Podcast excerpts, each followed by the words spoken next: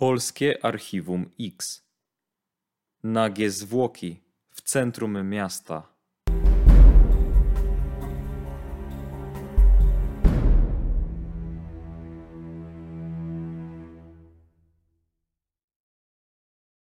Historię, którą dzisiaj Państwu opowiemy, najtrafniej ilustruje filozoficzne pytanie zawarte w refrenie przeboju Madryt zespołu Kult. Kto namalował to romantyczne tło? Jest wyjątkowo piękna i słoneczna wiosna 2000 roku. Kraków mieni się pastelowymi kolorami drzew i krzewów, gdzie niegdzie jeszcze można odurzyć się zapachem przekwitających już powoli bzów, ale w ich miejsce pojawiają się słoneczne girlandy, złotokapu i fioletowe kwiaty wisterii. W czwartek, w Dzień Dziecka, około godziny 10, dyżurny Komendy Miejskiej Policji w Krakowie informuje Komendę Wojewódzką Policji w Krakowie o ujawnieniu nagich zwłok mężczyzny w średnim wieku na ogródkach działkowych umiejscowionych w rejonie ulic Myśliwska Lipska w Krakowie. To zaledwie kilka kilometrów od ulicy Mogilskiej, gdzie swoją siedzibę ma Komenda Wojewódzka Policji, ale już po drugiej stronie Wisły, na terenie dzielnicy Podgórze. W 2000 roku ulica Lipska, położona w tzw. Tak Małym Płaszowie, nie jest jeszcze nowoczesną i zabudowaną arterią komunikacyjną z torowiskiem dla tramwajów, jak to ma miejsce obecnie. Parę bloków mieszkalnych, zajezdnia MPK Mały Płaszów, wiele budynków przemysłowych i ogródki działkowe. Na miejsce ujawnienia zwłok zostają skierowani Mariusz i Bogdan. Zazwyczaj znalezienie właściwego ogródka przysparza trochę trudu. Tym razem jednak po przybyciu na miejsce widocznych jest kilka oznakowanych radiowozów policyjnych oraz radiowozy operacyjne z tzw. Tak kogutami. Mariusz i Bogdan szybko zostają skierowani przez funkcjonariuszy prewencji do właściwego ogródka. Okazuje się, że ogródek ten z jednej strony graniczy z chodnikiem biegnącym wzdłuż ulicy Lipskiej. Działka ogrodzona jest metalową siatką, znajduje się na niej drewniana altana ogrodowa. Gdy pada informacja o nagich zwłokach, siłą rzeczy pojawia się wizja zabójstwa na tle seksualnym. Jednakże zazwyczaj ofiarami takich zbrodni w Polsce padają kobiety, nie mężczyźni. Na miejscu jest już kilkudziesięciu funkcjonariuszy Komendy Miejskiej Policji w Krakowie, w tym ówczesny komendant i jego zastępcy. Trwają szczegółowe oględziny zwłok i miejsca ich ujawnienia. Okazuje się, że zwłoki nie są całkowicie nagie. Ofiara ma na sobie brudne bokserki w kolorze szarym.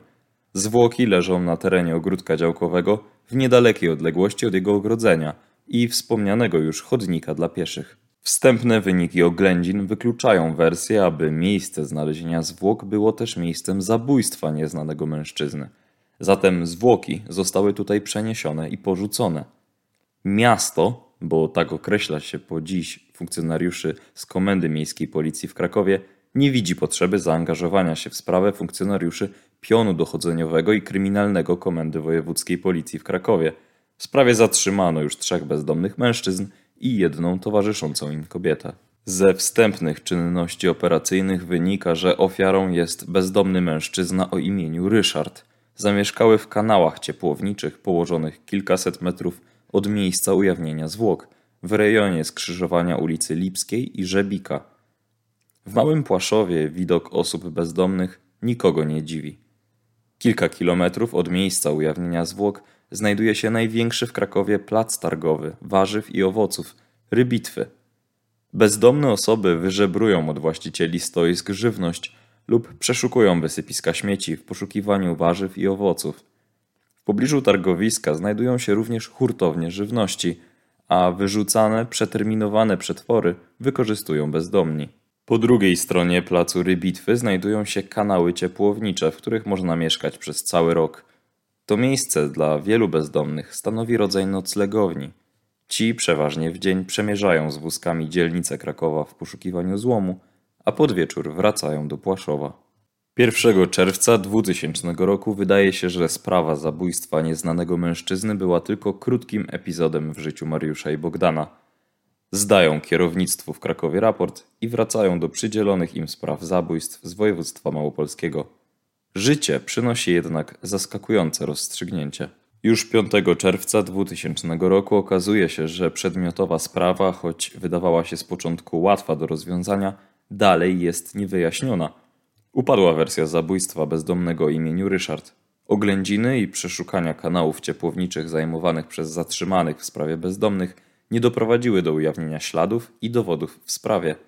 Osoby zatrzymane zostają przesłuchane w charakterze świadków i wypuszczone na wolność. Sprawa grząźnie w martwym punkcie. Czynności operacyjne zostają powierzone Mariuszowi i Bogdanowi. Bogdan wspomina, że w takich sytuacjach podstawą jest zaznajomienie się ze zgromadzonym w sprawie materiałem dowodowym. Z przeprowadzonej sekcji zwłok wynikało, że przyczyną zgonu nieznanego mężczyzny były ciosy zadane mu w tył głowy i karku.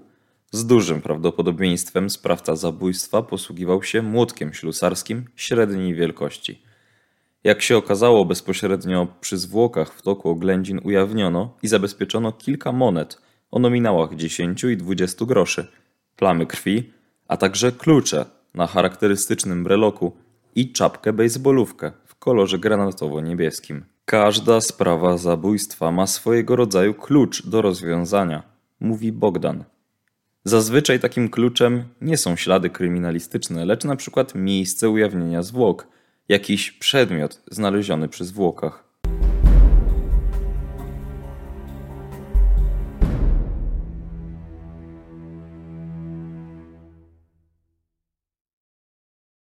Po obejrzeniu zabezpieczonego w sprawie breloka z kluczem, Bogdan zwrócił uwagę, że w 2000 roku wśród policjantów zarówno Komendy Wojewódzkiej Policji w Krakowie, jak i Komendy Miejskiej panowała moda przypinania do szlufek spodni za pośrednictwem takiego właśnie karabinczyka różnego rodzaju kluczy. Spostrzeżeniem podzielił się on z prowadzącym sprawę procesową policjantem, prosząc go, aby wywiesił w komendzie komunikat z zapytaniem, czy ktoś w trakcie bytności na miejscu oględzin zdarzenia nie zagubił takich kluczy. Ten jednak uparcie powtarzał, że klucze należą do sprawcy zabójstwa i on znajdzie zamek w drzwiach w którymś znajdującym się w pobliżu licznych hoteli dla robotników i doprowadzi do ujęcia sprawcy. Bogdan w pierwszym momencie szukał dalszych argumentów, aby przekonać rozmówcę do swojej wersji i uświadomić mu bezcelowość jego pomysłu na rozwiązanie sprawy. Tym bardziej, że Bogdan w międzyczasie ponownie udał się na miejsce ujawnienia zwłok, gdzie zastał starszą kobietę, jak się okazało, właścicielkę ogródka, która 1 czerwca po przybyciu na działkę ujawniła zwłoki i powiadomiła o tym policję. Kobieta wskazała dokładne miejsce, gdzie leżały zwłoki, Miejsce, gdzie ujawniła ślady krwi, gdzie leżały monety, a także czapka bejsbolówka. A na pytanie, gdzie leżały klucze, zdziwiona podniosła wzrok i zapytała, jakie klucze. Bogdan stwierdził później, że nigdy nie przepadał za policjantami kierującymi się w służbie wyłącznie instrukcjami, wytycznymi z prokuratury i schematami wykrywczymi, a zapominającymi o tym, że każda sprawa zabójstwa jest indywidualna i niepowtarzalna. I stąd do każdej sprawy istnieje jedyny w swoim rodzaju wzorzec wykrywczy. Zresztą trzeba dodać, że tacy funkcjonariusze nie przepadali również za Bogdanem. Bogdan relacjonuje, że po wielu latach służby zauważył, że policjanci o takich osobowościach noszą w swoim wnętrzu duże pokłady lęku, przez który trzymali się opracowanych w kryminalistyce algorytmów postępowania – takie zjawisko w psychologii określa się zjawiskiem torowania. Człowiek opanowany przez nie, podobnie jak tramwaj albo pociąg, nie potrafi poruszać się swobodnie, nie potrafi być twórczy i myśleć w zindywidualizowany sposób. Mariusz i Bogdan stwierdzili, że nie będą uczestniczyć w poszukiwaniu zamka pasującego do zabezpieczonych w toku oględzin kluczy. Szukali oni bowiem sprawcy zabójstwa, a dochodzeniowiec dziurki od klucza. Bogdan zainteresował się zabezpieczoną na miejscu zdarzenia czapką bejsbolówką, która trafiła na szczegółowe oględziny do laboratorium kryminalistycznego w Krakowie, gdzie mógł ją sobie obejrzeć. Czapka nie była nowa, była cała w nieregularnych plamach, daszek w kilku miejscach był zagięty. Taka czapka mogła należeć do osoby bezdomnej, ale czy należała do sprawcy czy ofiary, tego jeszcze policjanci nie wiedzieli. Policjanci nie tracili czasu. Była to ich pierwsza sprawa dotycząca zabójstwa w nieznanym im dotychczas świecie osób bezdomnych. Musieli się szybko nauczyć, jakie zwyczaje panują w świecie takich osób. Zdecydowana większość bezdomnych była niewolnikami alkoholu. To świat okrutny, obdarty w dużej mierze z człowieczeństwa. W 2000 roku, przed modernizacją krakowskiego dworca głównego, teren ten był swoistego rodzaju enklawą osób bezdomnych. Bezdomni poruszali się po Polsce głównie kolejami, jeżdżąc oczywiście na gapę, stąd wielu z nich było później poszukiwanych do zapłaty grzywny lub kary aresztu.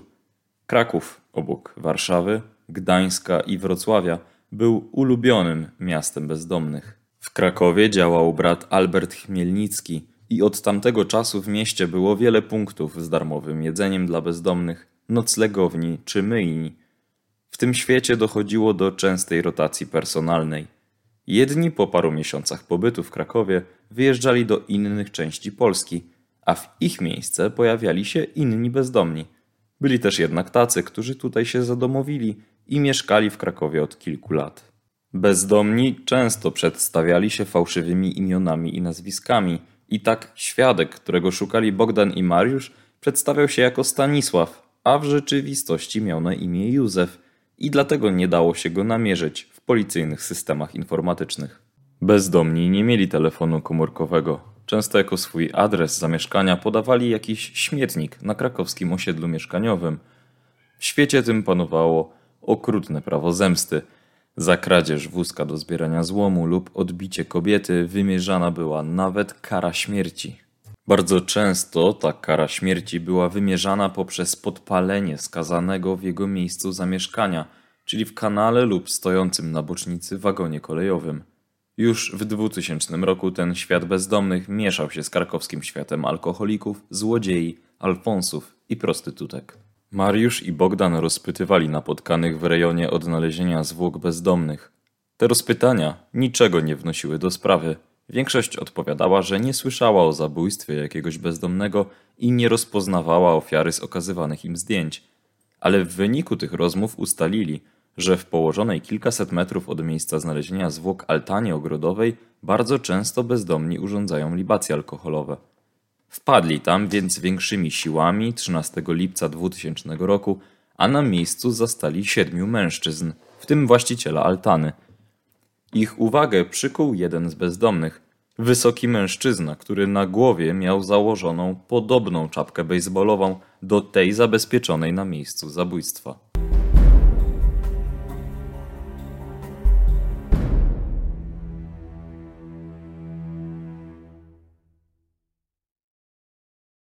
Rozpytania jak zwykle nie przyniosły żadnych rezultatów. Nikt nic nie widział i nie słyszał. Ale mężczyzna w czapce, jak się okazało 34-letni Jacek W., ostatnio zamieszkały w Bogatyni w województwie dolnośląskim, okazał się poszukiwanym w sprawie alimentacyjnej. Mężczyzna po zatrzymaniu został tymczasowo aresztowany przez Sąd Rejonowy dla Krakowa Podgórza. Policjanci ponownie zaznajomili się z materiałem dowodowym zgromadzonym w sprawie. Kilka osób przesłuchiwanych w charakterze świadka zeznało, że kojarzą ofiarę i był nim bezdomny Ryszard R., który opowiadał, że pochodzi ze Szczecina. Świadkowie podali również, że często Ryszarda widzieli w towarzystwie bezdomnego imieniu Edward, zamieszkałego wraz z bezdomną Czesławą w kanale ciepłowniczym na zbiegu ulicy Lipskiej i Żebika oraz ich bezdomnych sąsiadów, to jest Andrzeja i Artura. Na tej podstawie policja zatrzymała te osoby.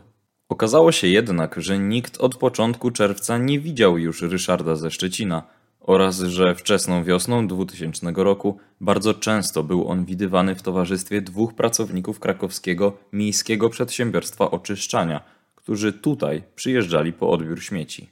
Bogdan i Mariusz ustalili tych pracowników Okazali im zdjęcia Denata i obydwaj rozpoznali, że zdjęcie przedstawia znanego im z widzenia bezdomnego Ryszarda ze Szczecina, który nagle zniknął jakoś z początkiem czerwca.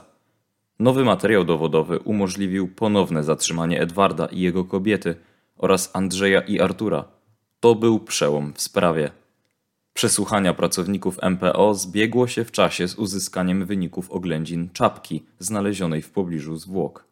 W toku oględzin z wewnętrznej, jak i zewnętrznej powierzchni czapki ujawniono i zabezpieczono kilka włosów. Większość z nich należała do Denata, ale trzy zabezpieczone włosy pochodziły od jakichś dwóch nieznanych mężczyzn. To było już coś. Bogdan przeprowadził długą rozmowę z biegłym specjalizującym się w badaniu cech morfologicznych włosów. Biegły ten powiedział, że jeden z włosów pochodził z części skroniowej głowy i mężczyzna ten miał charakterystyczny kolor włosów czarno-szpakowaty. Policjanci niestety nie dysponowali zdjęciami Edwarda, Andrzeja i Artura i na tym etapie nie mogli skonfrontować ustaleń biegłego. Choć rozpytania bezdomnych nic nie wniosły do materiału dowodowego, to Mariusz z Bogdanem już wiedzieli, że najlepiej bezdomne osoby zatrzymać w miejscu ich noclegu. Zależało im na zatrzymaniu całej czwórki bezdomnych w jednym czasie, stąd podjęli decyzję o zatrzymaniu ich po północy. Przed akcją Bogdan z Mariuszem, udając turystów, dokonali rozpoznania kanałów ciepłowniczych, w których mieszkali figuranci. O północy 9 sierpnia 2000 roku odbyła się akcja policyjna połączonych sił prewencji i specjalistów z zakresu biologii i mechanoskopii. Wszystkie wytypowane osoby zatrzymano i przewieziono do Policyjnej Izby Zatrzymań. Ponownie przeprowadzono oględziny dwóch kanałów ciepłowniczych zajmowanych przez zatrzymane w sprawie osoby. W kanale zajmowanym przez Edwarda C. i Czesławę A. w toku przeszukania połączonego z oględzinami ujawniono i zabezpieczono młotek ślusarski posiadający na trzonku brunatne plamy. 10 sierpnia 2000 roku przystąpiono do rozpytań i przesłuchań zatrzymanych osób. Czesława A., towarzyszka życia Edwarda C., zeznała, iż w godzinach wieczornych 31 maja 2000 roku w swoim kanale ciepłowniczym spożywała alkohol wraz z konkubentem Edwardem C., Jackiem W., a więc bezdomnym zatrzymanym w lipcu 2000 roku, oraz z nieznanym sobie mężczyzną, który podał, że ma na imię Ryszard, ale którego prawdziwego imienia nie znała. Około godziny 22 wszyscy opuścili kanał, wychodząc na zewnątrz. Wtedy spotkali sąsiadów z pobliskiego kanału, to jest Andrzeja K. i Artura Z. Ryszard był zaczepny i od razu chciał użyć wobec Andrzeja K. posiadanego gazu obezwładniającego. Andrzej K. bez chwili zastanowienia uderzył Ryszarda pięścią w twarz, co spowodowało jego upadek. Andrzej K. kontynuował bicie Ryszarda. Bił pokrzywdzonego młotkiem przyniesionym z kanału przez Artura Z. po głowie i twarzy. Do bicia przyłączył się Jacek W., uderzając leżącego na ziemi Ryszarda rękami oraz kijem.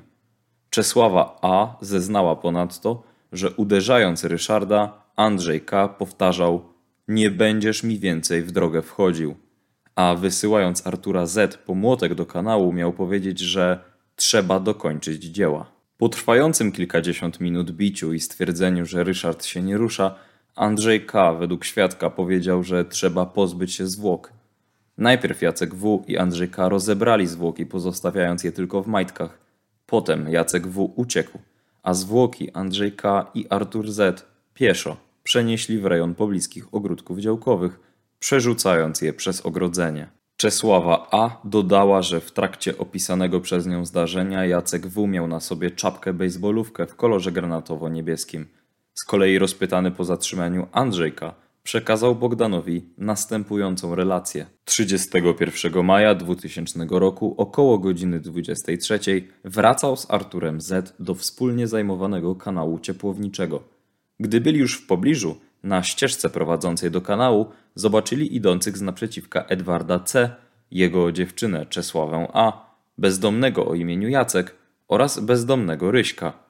Rysiek zaczepił rozpytywanego i jego kompana Artura, wyciągając ku nim rękę. Andrzej K. podał, że Rysiek był mu znany ze swojej zaczepności oraz z tego, że zawsze nosi przy sobie gaz łzawiący.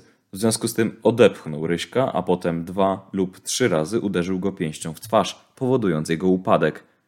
Ryśka, według relacji rozpytywanego, popychać miał również Artur Z. Potem, leżącego na ziemi Ryśka, zaczął bić Jacek, który w ręku trzymał młotek.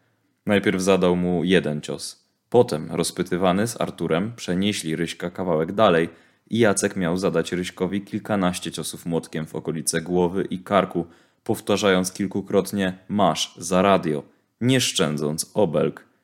Gdy Rysiek przestał się ruszać, Edward C. zbadał mu puls, uznając, że Rysiek nie żyje.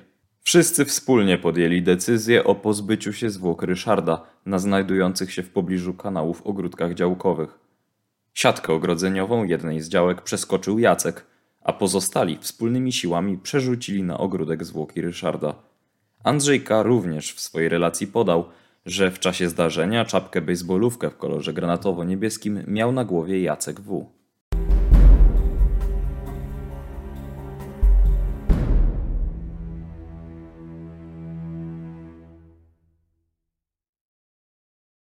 Po zdarzeniu Jacek W. miał się oddalić w miejsce nieznane rozpytywanemu.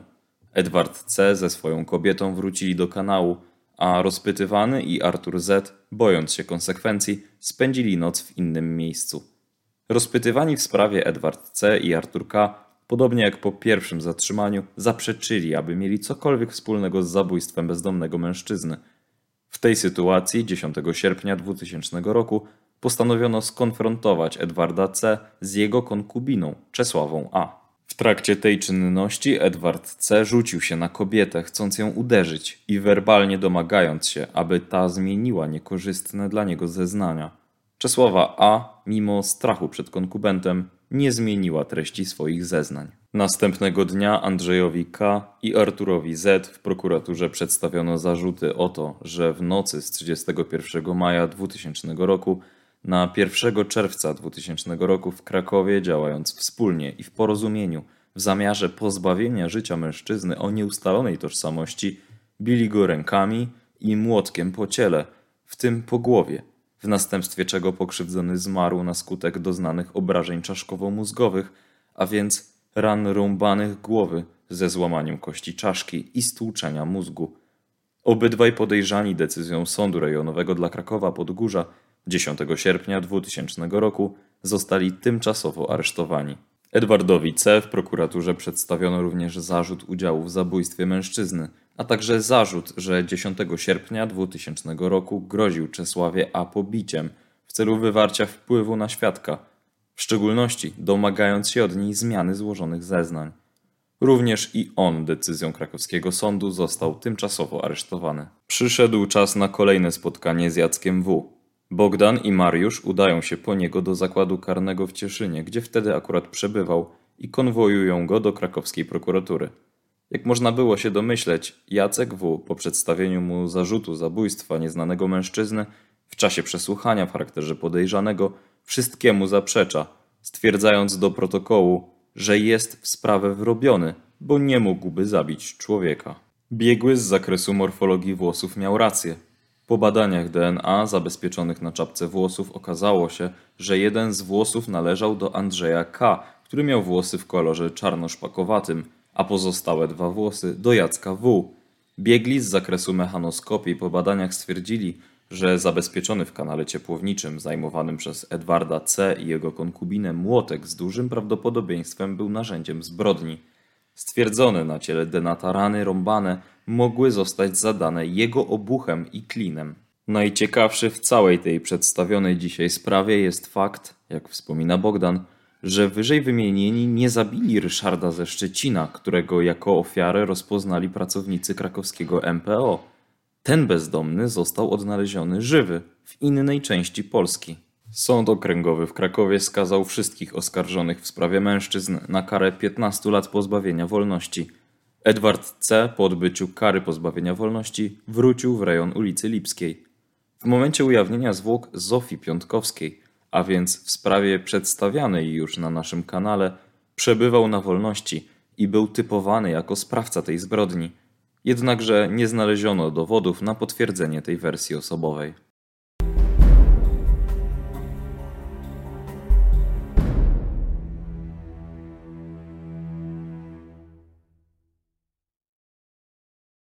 Panowie, to jest dość niezwykła historia. W godzinach przedpołudniowych młody mężczyzna zostaje znaleziony w samej bieliźnie niedaleko centrum miasta. Jak ta historia potem się potoczyła i co w niej z Waszego punktu było najtrudniejszego? Rzeczywiście, wiesz, była to sprawa na tyle nietypowa, że pamiętam z Mariuszem, jak przyjechaliśmy, to pewien policjant z Komendy Miejskiej liczył na głos i stwierdził 51, 52 i nie bardzo wiedzieliśmy o co chodzi, prawda? I spytałem go, co te cyfry oznaczają. Mówi, jesteście 51, 52 uczestnikiem tutaj oględzin. Zostaliśmy tam skierowani, pamiętam, że to był w, w, ciągu dnia, była piękna pogoda, słońce, no i praktycznie pół komendy miejskiej się tam e, przyjechało na to miejsce zdarzenia, łącznie z, z, z komendantami.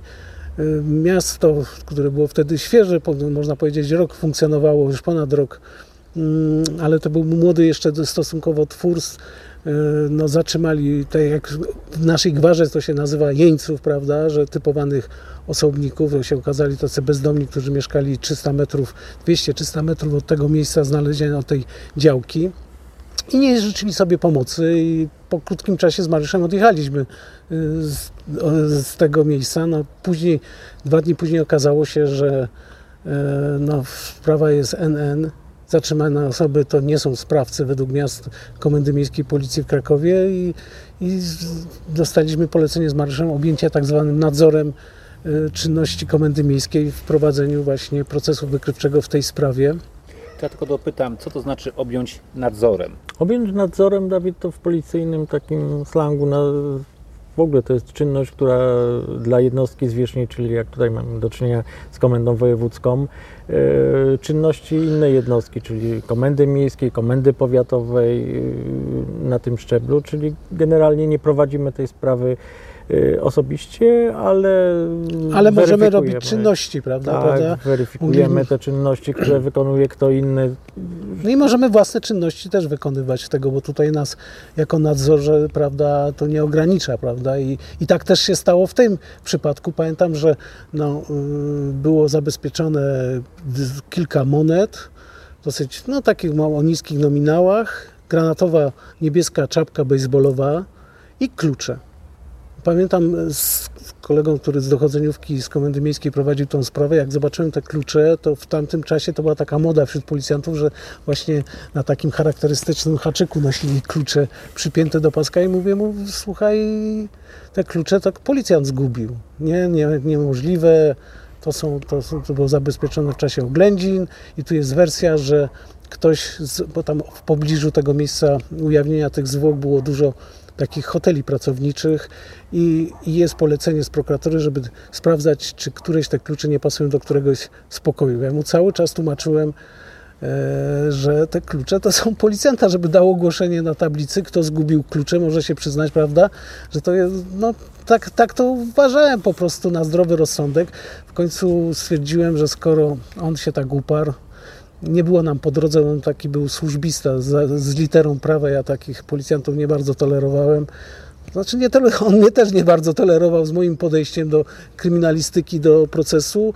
To on szukał dziurki od klucza, ja szukałem sprawcy i, i tak to się złożyło. Pamiętam, że utwierdziło mnie w przekonaniu, że na pewno te klucze nie zostawili sprawcy. W momencie, kiedy z kolegą, którym później był w archiwum X, pojechaliśmy tam na zobaczyć tą działkę jeszcze już na spokojnie, bez tego tłumu ludzi, prawda, na oględzinach.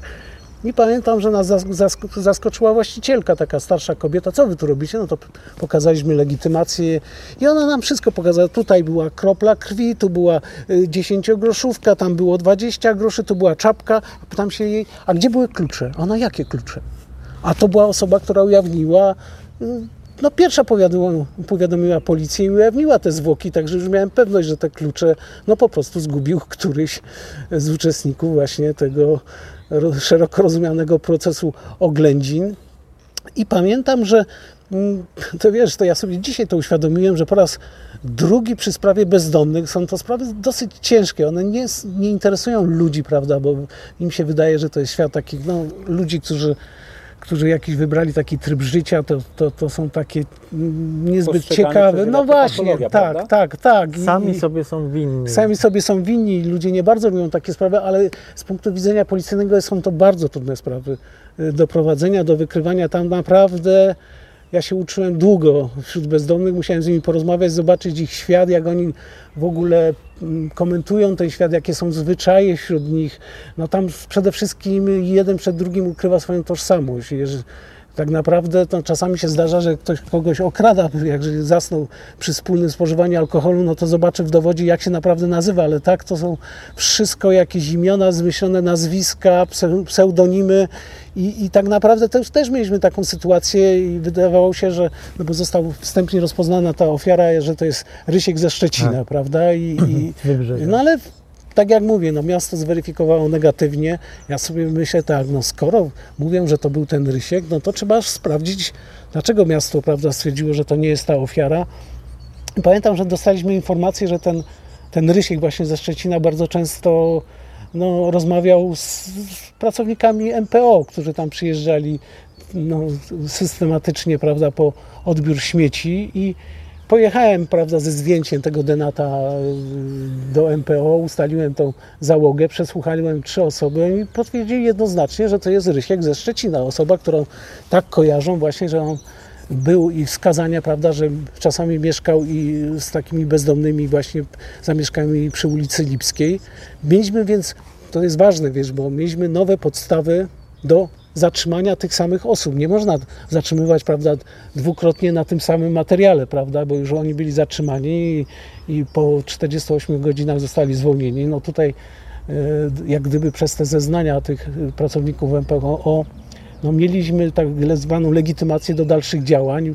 Była przeprowadzona Pamiętasz, długo żeśmy się przygotowywali, prawda, z biegłym od włosu, bo w tej czapce się tak. były cztery rodzaje różnych włosów. Pamiętam, że nam mówił, że taki będzie włos, taki mężczyzna będzie siwy, tu będzie miał siwy, tu bardziej ciemne, prawda. Opisywał nam dokładnie fryzury, prawda, kogo mamy szukać.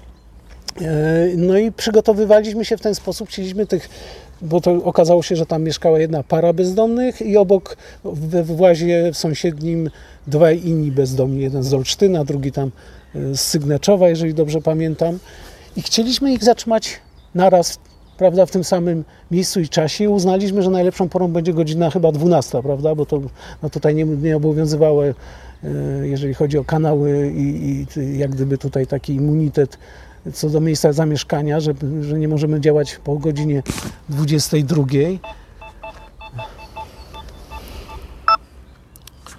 Ja się stoję. To zrób przerwę. A nie, zacznij od słów. Nie możemy działać po godzinie może, 22. Nie możemy działać po godzinie 22, jeżeli by ktoś normalnie mieszkał, ale tutaj, no tak jak mówię, to były miejsca publiczne, kanały ciepłownicze, gdzie tak naprawdę no, nie powinien, tam, tam nikt nie powinien mieszkać. W nocy, pamiętam też, przygotowywaliśmy, prawda, akcje, te ścieżki, no i dwa dni później, prawda, ruszyliśmy. Pamiętam, że zatrzymaliśmy najpierw tych dwóch bezdomnych. Jak wychodził z włazu, zobaczyłem takie szpakowate, siwe włosy, tak jak mi ten biegły od, od włosów opowiadał, to byłem tak szczęśliwy, bo mówię, to, to, to, to, to, na pewno są oni. I pamiętam, że szedłem w pewnym momencie, grunt mi się pod nogami i tylko się oparłem o rękami po prostu o włas jak się później okazało, bezdomni skradli na złom właz do kanału i po prostu szedłem, gdybym spadł, no nie wiadomo, czy by, jakby się to, czy bym dzisiaj tutaj opowiadał tą historię. Skończyło się, o, na, myślę, skończyło się na wizycie na pogotowiu, miałem nogę rozwaloną w szycie. No ale zostali te wszystkie osoby, plan został zrealizowany, zostały osoby zatrzymane. Ja pamiętam Utykając następnego dnia pojechałem, uczestniczyłem w przesłuchaniach. Okazało się, że w, prze, w czasie przeszukania jednych z tych włazów, no, teoretycznie już tam wcześniej policja była, no, zabezpieczone zostały narzędzia jeszcze z krwawymi plamami. No i, zaczę, kobieta, jedna była kobieta wśród tych zatrzymanych, zaczęła opowiadać że pamięta, to było w nocy z 31 maja na 1 czerwca. E, pili w, w, z takim jeszcze ze znajomym, też bezdomnym Jackiem e, alkohol w trójkę ze swoim konkubentem. I w pewnym momencie przyjechał, ona go określała jako bezdomny Rysiek, ale nie była pewna im, jego imienia. Zaczęli spożywać, około 22, 23 wyszli na zewnątrz i w tym momencie e, pojawili się mm, na horyzoncie ci, ci dwaj bezdomni, którzy mieszkali w sąsiednim włazie. Oni też znali tą, tego, tego ryśka, tą, tego ofiarę i wiedzieli, że on e, nosi gaz i, i, i tak rzeczywiście ze słów tej kobiety wynikało, że ten właśnie Rysiek, ta, ta no, później pokrzywdzony, za, słownie, werbalnie najpierw zdał się w, w jakąś e, awanturę z tymi dwoma bezdomnymi, następnie próbował jednego uderzyć i gazem e, mu po oczach, prawda, e, psiknąć i w tym momencie ten zaczął go zaatakować, bić. On upadł, tłukł, tłukł go rękami, w końcu jego kolega poszedł po młotek i w trójkę tym młotkiem zadali szereg ciosów, prawda, powodując złamanie e, czaszki, uszkodzenia mózgu. E, I potem rozebrali go i w trójkę przenieśli i przerzucili po prostu poprzez siatkę ogrodzeniową. E, I tam te zwłoki pozostawili, sami poszli dalej spożywać alkohol. I taka historia, można by powiedzieć. Mariusz, mnie w tej historii właściwie dwie rzeczy zaskoczyły, czy gdzieś w jakiś sposób zaintrygowały. Pierwsze jest ten nadmiar, tak ponad, co najmniej ponad 50 policjantów na miejscu zdarzenia, którzy gubią e, klucze, które też mogą potem wpaść na fałszywy trop. No właśnie, czy ten nadmiar czasem nie szkodzi? To jest takie moje pierwsze spostrzeżenie. I druga kwestia, ci ludzie, którzy potem okazali się mordercami, e, byli zatrzymani przez policjantów, przesłuchani i rozumiem, że gdyby nie pracownicy MPO, którzy dali nowy trop, albo właściwie podstawy do ich ponownego przesłuchania, to de facto mogłoby się okazać, że mimo, że możecie przypuszczać, że to są te osoby, nie moglibyście, rozumiem, ich zatrzymać, z nimi porozmawiać? Tak, Dawidzie, tutaj, tak jak powiedziałeś, no, nadmiar. Nadmiar niestety szkodzi i to w pracy policji bardzo. To nie jest y, jedyna sprawa, jedyna sytuacja, gdzie akurat y, na miejsce przybywa bardzo wiele osób, które niekoniecznie wszystkie z nich wykonują jakieś czynności. Y, zresztą wiesz, że były bardzo głośne sprawy, gdzie nagle pojawiali się wszyscy na miejscu zdarzenia i te oględziny potem są w jakiś tam sposób e, zaburzone, nieskuteczne. Czasami się ujawnia właśnie ślady, które gdzieś tam e, mają pochodzić od sprawców, nie pochodzą od sprawców. Taką metodą potem stosowaną jest weryfikacja tych śladów, czyli pobieranie, eliminacja, ale to tylko i wyłącznie zaburza jakiś cały ten proces, więc nie jest to wskazane. No, dzisiaj już troszeczkę pomni niektórych właśnie e, tych, tych, tych, tych zdarzeń, gdzie to miało miejsce, policja wyciągnęła wnioski, jednak to jest bardziej przestrzegane, bardziej. Ale pewnie dalej są takie sytuacje, tego się nie da uniknąć. Pamiętasz, był taki pomysł, żeby karać policjantów mandatami nawet, prawda, jeżeli się tak zbyt swobodnie zachowują na oględzinach, właśnie takie wprowadzają, że zostawiają niedopałki papierosów czy, czy, czy jakieś inne ślady i z to... tym się nie da zwalczyć. To jest po prostu tam, gdzie są rzeczy, tam jest też bałagan, tam gdzie są właśnie ślady te materialne, musi być bałagan i pamiętam, że miałem wykłady dla studentów z kryminalistyki z USA i z ich opiekunem rozmawiałem i on mi opowiedział, że w Stanach Zjednoczonych zabezpiecza się na potęgę ślady, a potem się nie wiadomo, gdzie, gdzie jej się przechowuje i gdzie się jej zabezpieczyło. Także to tam, gdzie jest oparte na takich właśnie głównie materialnych tylko śladach, no ten chaos jest nieunikniony. Natomiast wiesz, wspomniałeś o tym, że mieliśmy tą legitymację. Ja ci wspomniałem, że po raz drugi w sprawie bezdomnych, bo już tą historię pierwszy raz opowiadaliśmy prawda, o tym zabójstwie bezdomnego, który zginął poprzez cios prętem w oko, no, pojawiła się ta synchroniczność.